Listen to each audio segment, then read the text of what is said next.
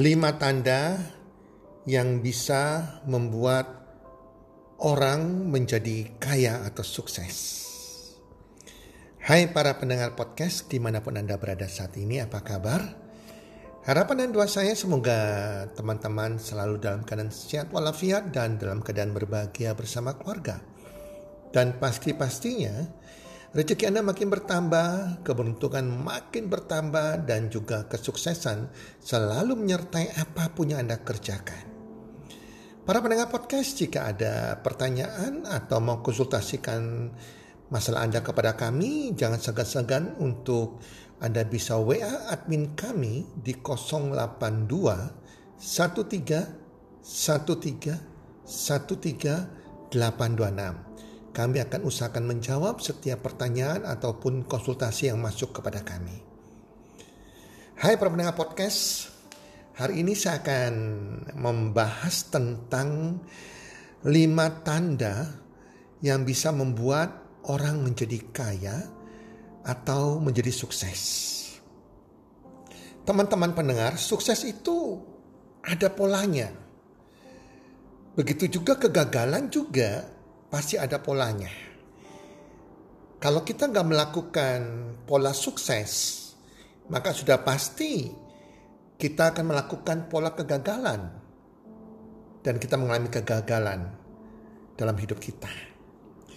Seseorang yang mau sukses di bidang apa pun, pasti ada polanya. Para pendengar podcast saya ini bukan peramal, tetapi ini fakta yang terjadi di dunia jadi kalau orang tidak melakukan lima pola atau lima tanda untuk sukses ini, untuk menjadi kaya, maka sudah pasti mereka tidak akan menjadi orang yang kaya, orang yang sukses. Karena semua orang di dunia, orang yang dulunya dari biasa-biasa saja, miskin bisa menjadi kaya, menjadi miliuner atau menjadi sukses, karena semuanya memakai lima pola ini. Mereka punya lima tanda ini yang kita akan bahas sama-sama. Intinya jika kita mau sukses, kita belajar dari orang-orang sukses.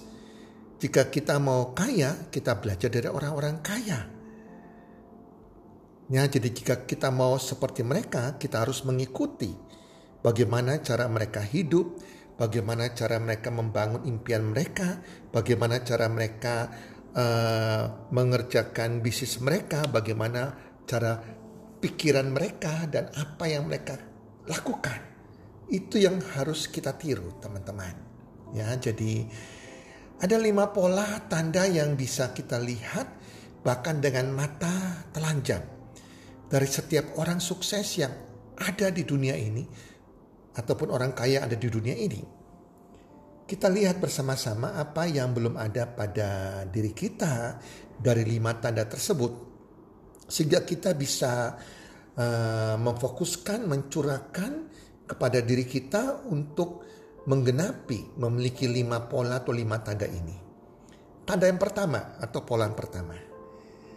Orang kaya atau orang sukses pasti punya tujuan hidup yang jelas. Dia tahu lima tahun dia akan jadi seperti apa. Dia tahu lima tahun dia akan seperti apa punya penghasilan berapa, demikian 10 tahun berikutnya dia sudah punya tujuan hidup yang jelas. Untuk menjadi kaya atau sukses, yang pertama kita harus punya adalah impian. Dan yang kedua harus punya sikap. Impian adalah tempat tujuan yang menjadi tujuan kita. Lima tahun kemudian, sepuluh tahun kemudian, kita mau jadi apa nantinya, berapa penghasilan yang ingin kita dapatkan nantinya. Ini semua harus ada blueprintnya, ada perencanaannya teman-teman. Nah sikap adalah bagaimana cara kita berjalan menuju impian tersebut. Cara kita menggapai impian tersebut. Kita punya tujuan tapi kita tidak punya sikap untuk berjalan mewujudkan impian kita itu, itu sia-sia. Jadi banyak orang punya impian, punya mimpi. Wah mimpinya besar banget dah, ingin jadi ini, ingin jadi itu, ya ingin ke mana, ingin ke situ, aduh luar biasa banyaknya. tapi ia tidak punya sikap. Ia hanya punya impian yang besar, di mana lama kelamaan karena ia tidak punya sikap, maka lama kelamaan impian tersebut cuma jadi angan-angan teman-teman. Orang-orang kaya di dunia dari dulu, dari awalnya mereka masih belum punya apa-apa, mereka sudah punya tujuan yang jelas. Tujuan lima tahun ke depan mereka seperti apa, tujuan 10 tahun ke depan mereka seperti apa, penghasilannya seperti apa. Dan mereka tahu satu tahun dari sekarang mereka akan jadi apa, penghasilannya berapa besarnya. Mereka tahu akan ke mana. Jadi itulah yang namanya tujuan. Mereka sudah punya ketertarikan di bidang tertentu yang sudah menjadi alat mereka. Jadi apa pun bidang Anda, Anda sudah tertarik di bidang tertentu yang menjadi alat Anda untuk mencapai tujuan Anda itu harus ada untuk mewujudkan impian Anda. Dan mereka concern, fokus di bidang tersebut, apa pun bidangnya, mereka punya tujuan yang jelas, tujuan satu tahun, lima tahun, sepuluh tahun, dan bukan itu saja, mereka juga uh, mengenali kelebihan dari mereka sendiri apa. Setiap orang pasti punya kelebihan dalam diri mereka. Dan mereka juga menyadari sadar kekurangan mereka apa. Kelemahan mereka apa. Dan mereka mempelajari kelebihan dari diri mereka, mereka maksimalkan, mereka eksplor kelebihan mereka sehingga mereka menjadi orang kaya. Sedangkan kekurangan kekurangan kekurangan dari diri mereka, contohnya mereka gak mudah bergaul, gak mudah bersosialisasi, mereka punya mental block, mereka uh, cenderung pesimis, itu mereka perbaiki. Mereka tahu kelemahannya ini yang membuat mereka tidak bisa jadi sukses. Mereka perbaiki hari demi hari, mereka rubah kelemahan mereka menjadi hal positif menjadi kelebihan mereka. Mereka buang semua kekurangan mereka untuk menjadi lebih baik dari hari ke hari dan menjadi lebih positif dari hari ke hari. Jadi jika kita ingin mengikuti pola orang kaya, orang sukses, maka harus punya tujuan yang jelas. Tujuan satu tahun ke depan, lima tahun ke depan, atau sepuluh tahun ke depan. Ya, dan Anda punya sikap, keberanian untuk action, untuk mengejar impian Anda itu. Jadi bukan hanya bermimpi dan Anda tidak punya sikap apa-apa. Itu namanya Anda melamun ya. Tanda pola kedua, tanda pola kedua. Orang-orang kaya tidak pernah berhenti belajar. Mereka haus untuk belajar. Ada pepatah mengatakan, jika kamu tidak sanggup meremehkan lelahnya belajar, maka kamu harus sanggup menahan derita karena kebodohan. Sekali lagi, jika kamu tidak sanggup menahan lelahnya belajar, jika kamu tidak sanggup menahan lelahnya belajar, maka kamu harus sanggup menahan derita karena kebodohan. Artinya, Belajar ini sangat-sangat penting. Kita nggak bisa meremehkan apa yang akan kita pelajari. Kita tidak bisa meremehkan ilmu pengetahuan. Apakah apalagi ilmu pengetahuan itu berkaitan dengan uh, kesuksesan kita, dengan bidang kita. Artinya belajar itu sangat penting sekali di bidang mana pun. Belajar bukan saja pada saat sekolah atau saat kita kuliah. Itu hanya 10%. Tapi 90% Anda bisa belajar ya kesuksesan kesuksesan Anda kan Anda belajar dari orang-orang lain. Anda bisa belajar dari banyak orang-orang yang Anda kenal tidak kenal.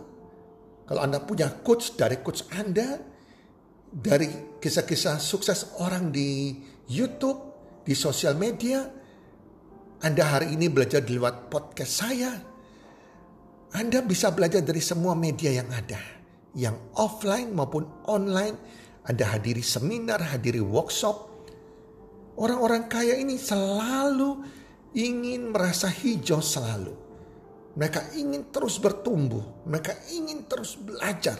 Mereka tidak pernah puas dengan apa yang mereka dapatkan sekarang. Karena mereka tahu sukses Success is a journey, not a destination. Jadi sukses adalah sebuah perjalanan, bukan tempat tujuan. Tujuan akhir. Jadi mereka terus belajar, terus bertumbuh. Mereka jam tahu bahwa zaman akan terus berubah. Jika mereka tidak mau belajar, malas belajar, maka mereka tidak bisa beradaptasi. Mereka harus tahu, harus mau belajar tentang bisnis yang sedang mereka geluti. Mereka harus mau belajar tentang produk-produk yang mereka miliki, yang akan mereka pasarkan.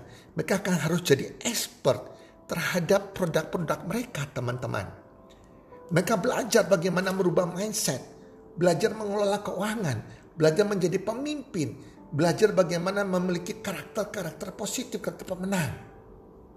Jadi, jangan berharap kita bisa menjadi orang kaya kalau Anda tidak mau belajar, Anda meremehkan pembelajaran itu.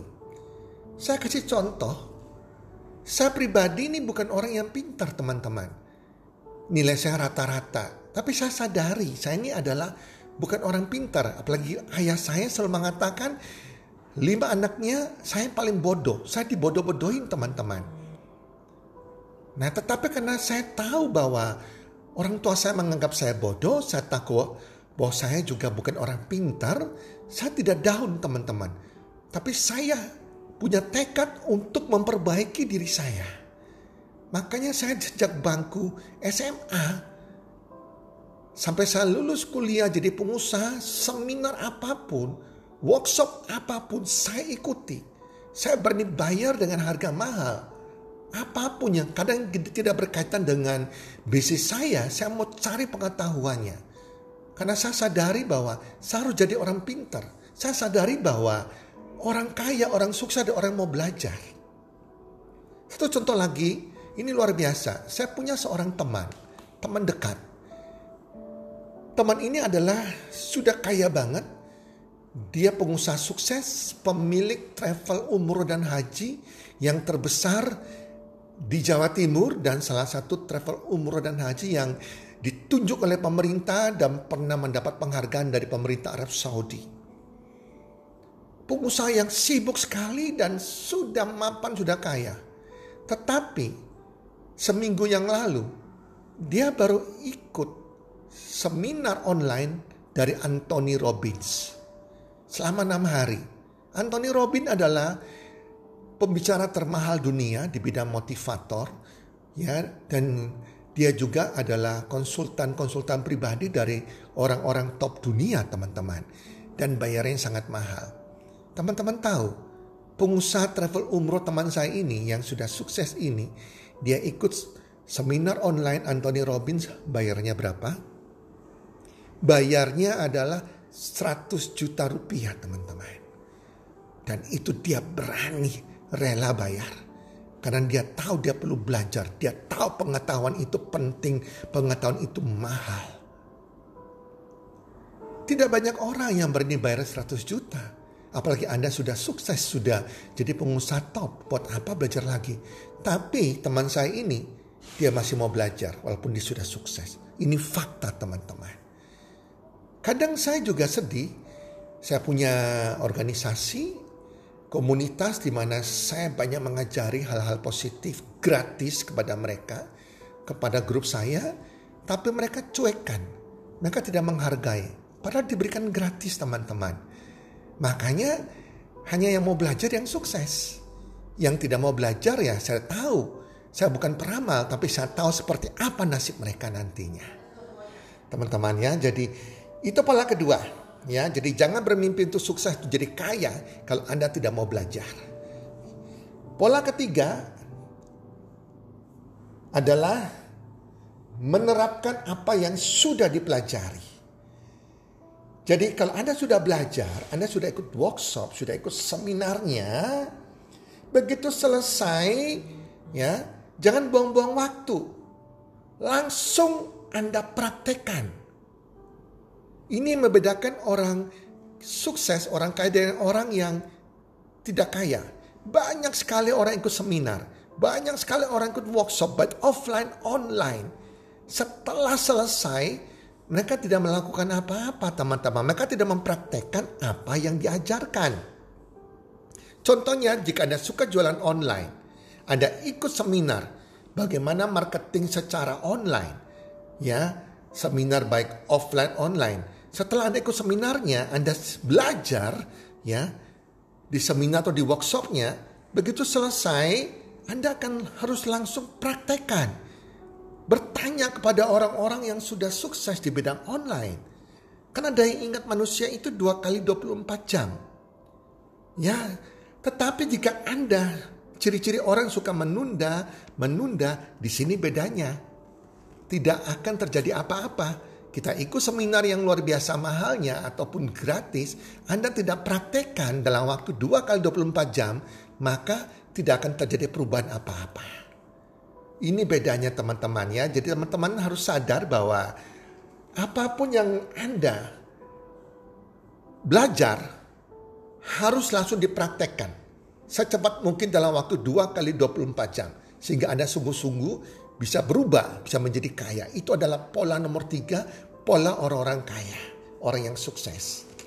Jadi jangan heran ya banyak orang belajar sini, belajar sana, ikut seminarnya banyak sekali, belajar dari orang-orang pintar, tetapi mereka tidak mengeksekusi apa yang sudah dipelajarinya. Mereka tidak action, menerapkan apa yang sudah dipelajarinya.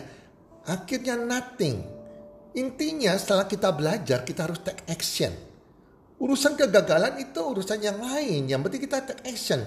Daripada kita tidak take action, kita tidak action, itu malah menjadikan kita orang yang gagal karena kita nggak pernah mencoba. Orang gagal adalah orang yang tidak pernah mencoba selamanya. Nah, pola keempat adalah orang yang kaya atau sukses adalah orang-orang yang tidak pernah ragu mengambil keputusan. Kesuksesan seseorang itu diukur dari cara kita mengatasi keraguan dan ketidakpastian. Nah, kalau orang selalu ragu-ragu, selalu bingung, selalu tidak pasti itu karakter. Tidak bisa ambil keputusan, ya. Menunda-nunda ini pasti jadi orang gagal. Setiap kita dalam menjalankan proses kesuksesan, kita pastilah dihadapkan dengan pilihan-pilihan yang menuntut kita untuk mengambil segera keputusan. Kita harus memilih keputusan mana yang kita ambil ambil keputusan atau tidak. Ini ada ide yang bagus kita mau gunakan atau tidak. Nah kalau kita ragu-ragu untuk ambil keputusan, untuk tegas memilih, orang makanya tidak ke mana-mana. Orang-orang kaya tidak pernah menghabiskan waktunya dengan keraguan-raguan.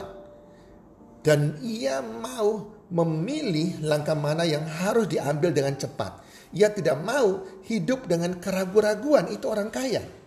Orang yang ragu-ragu tidak bisa ambil keputusan, maka sukses atau kaya, kayanya, sukses dan kayanya, masa depannya menjadi ragu-ragu, menjadi tanda tanya besar.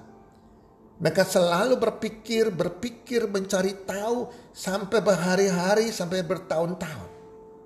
Apakah ide ini benar, ide ini layak diperjuangkan, ya? Terus ah, saya kerjakan apa tidak, saya ambil apa tidak. Nah, dan akan menjadi mereka jadi orang gagal selamanya. Mereka menjadi orang ragu-ragu dan masa depan pun mereka penuh ragu-ragu. Dan orang yang bisa ambil keputusan adalah orang-orang yang tidak pernah menyalahkan siapa-siapa. Mereka sadar bahwa mereka lah yang salah dan mereka menganggap itu sebagai proses belajar Kegagalan tersebut bukan sebagai akhir, tetapi sebagai batu loncatan untuk menjadi orang yang lebih sukses lagi. Contoh Thomas Alva Edison. Ini contoh orang yang tidak pernah takut gagal. Thomas Alva Edison sudah melakukan percobaan ribuan kali dan semuanya gagal. Apa dia berhenti? Tidak. Sehingga akhirnya tercipta lampu pijar. Pada waktu dia ditanya kenapa dia gagal ribuan kali, dia bilang dia tidak pernah merasa gagal. Tapi dia menemukan ribuan cara untuk membuat lampu pijar itu tidak menyala. Jelas teman-teman ya, orang-orang kaya walaupun mereka mereka tetap ambil keputusan, tidak takut resikonya. Mereka jalankan apa tidak? Ya, jadi jangan ikut-ikutan didorong-dorong oleh orang lain, teman-teman ya. Jadi itu keputusan Anda sendiri. Saat dalam hidup saya saya menemui ribuan orang, teman-teman. Dan saya bisa meramalkan karena pola ini, pola keempat ini, orang ini tidak akan jadi orang kaya sama sekali seumur hidup mereka. Contohnya, contohnya ya, jika ada sebuah penawaran bisnis dengan modal 100 ribu, Anda bekerja dengan perusahaan yang sudah solid, perusahaan yang punya sifat sosial ingin membantu Anda dengan modal 100 ribu, perusahaan yang tidak punya hutang sama sekali tanpa risiko. Apa artinya 100 ribu? Dan memberikan kesempatan kepada Anda memiliki kehidupan keuangan yang lebih baik, memiliki penghasilan ratusan juta. Dan Anda disiapkan blueprintnya bagaimana mencapai ratusan juta penghasilan Anda dalam waktu 1-3 tahun. Nah, penawaran kedua. Anda ditawar sebuah bisnis konvensional. Modalnya ratusan juta. Resikonya sangat besar bisa bangkrut modal Anda bisa habis. Hasil tidak pasti dan tidak ada blueprintnya. Kira-kira Anda pilih yang mana? Kalau saya, saya akan pilih yang 100 ribu tanpa risikonya sudah ada blueprintnya kerjasama dengan dengan ada blueprintnya satu tiga tahun punya 100 juta sudah pasti itu dan kerjasama dengan perusahaan yang tidak punya hutang sama sekali yang nomor satu di dunia. Saya akan pilih yang pertama. Tapi nyatanya faktanya itu saja. Mereka orang-orang yang ribuan orang tadi itu ragu, tidak berani melangkah, tidak mengambil berani ambil keputusan. Saya katakan, oh ini tipe-tipe orang yang yang yang menolak sukses. Jadi percuma saja mereka berdoa minta Tuhan, berdoa sampai jengkang-jengking, berdoa sampai nangis-nangis teriak-teriak sama Tuhan merubah hidup mereka. Mereka tidak akan berhasil. Karena Tuhan mengirimkan peluang kepada mereka peluang seperti itu saja mereka tidak berani ambil keputusan, apalagi yang lain. Yang bisa merubah hidup mereka adalah mereka sendiri. Tuhan sudah kasih dan mereka harus kerjakan. Ada bagian di mana Tuhan kerjakan, ada bagian di mana mereka harus ambil keputusan dan mengerjakan dengan doa. Ya, pola kelima terakhir. Orang kaya atau sukses tidak pernah menyia-nyiakan waktu Orang kaya, orang sukses selalu berprinsip waktu adalah uang. Mereka tidak mau ada waktu yang terbuang yang tidak digunakan dengan baik dalam hidup mereka. Tidak pernah sedetik pun mereka menyia-nyiakan waktu mereka untuk mencapai tujuan mereka.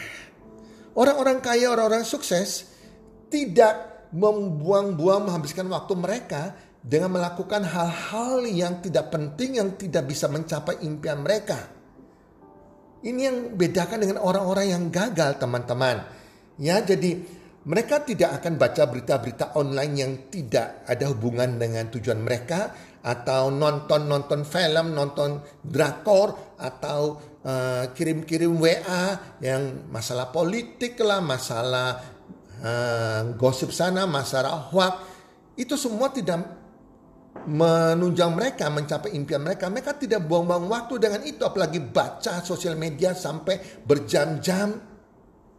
Nah, ini membedakan. Orang-orang gagal suka melakukan itu. Mereka melakukan menghabiskan waktu mereka dengan bersosial media. Mereka main game, teman-teman. Apalagi anak-anak muda sayang sekali Anda habiskan waktu Anda dengan game. Apakah itu bisa membuat impian Anda tercapai? Nonton film atau apa pun Lakukan segala sesuatu, waktu itu berharga. Lakukan segala sesuatu sosial media yang bisa mencapai tujuan Anda. Anda belajar YouTube itu bagus yang berkaitan dengan dengan meningkatkan karakter Anda, karakter building, uh, ya, memberikan inspirasi kepada Anda yang menunjang pencapaian impian Anda. Ya, jadi orang-orang sukses itu orang kaya, mereka sungguh-sungguh ya memperhatikan, memanfaatkan setiap menit, setiap jam per hari, setiap hari mereka tidak pernah membuang waktu sia-sia. Ya, jadi Tuhan memberikan waktu yang sama, 24 jam untuk orang sukses untuk kita bisa menjadi sukses. Tapi Orang sukses dan gagal punya waktu sama 24 jam. Kenapa mereka gagal? Mereka tidak menggunakan waktu dengan baik. Kenapa mereka sukses? Mereka bisa menggunakan waktu mereka dengan baik ke arah hal-hal yang penting. Nah teman-teman, jadi kita nggak boleh buang-buang waktu 24 jam waktu kita yang Tuhan sudah kasih. Waktu itu gratis tapi tidak ternilai. Karena bisa menggunakan waktu tersebut, kalau kita bisa menggunakan waktu tersebut, ya, maka kita akan mencapai sukses dan kaya. Tetapi jika kita membuang-buang waktu kita, kita akan kehilangan waktu tersebut dan waktu itu tidak bisa kembali lagi. Kita tidak bisa memutar waktu kembali. Kita tidak bisa memutar kembali umur kita. Nah teman-teman, itulah lima tanda atau lima pola orang kaya bisa menjadi kaya. Setiap orang kaya memiliki lima tanda atau lima pola ini. Jadi kalau kita mau sukses, lakukan lima pola ini, teman-teman ya. Anda dengarkan lagi podcast ini berkali-kali sampai terekam di pikiran bawah sadar Anda karena ini sangat-sangat penting, teman-teman. Ini juga kunci saya. Kenapa saya dari bangkrut ya bisa berubah karena saya banyak belajar pada waktu saya lagi terpuruk ya, lagi bangkrut-bangkrutnya. Saya banyak belajar, saya banyak ikuti seminar, workshop ya dan Akhirnya saya bisa mengembalikan semua aset kami yang hilang. If you can dream it, you can do it. Itu kata Walt Disney.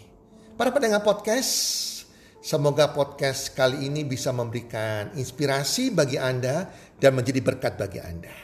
Salam sukses. One, two, three.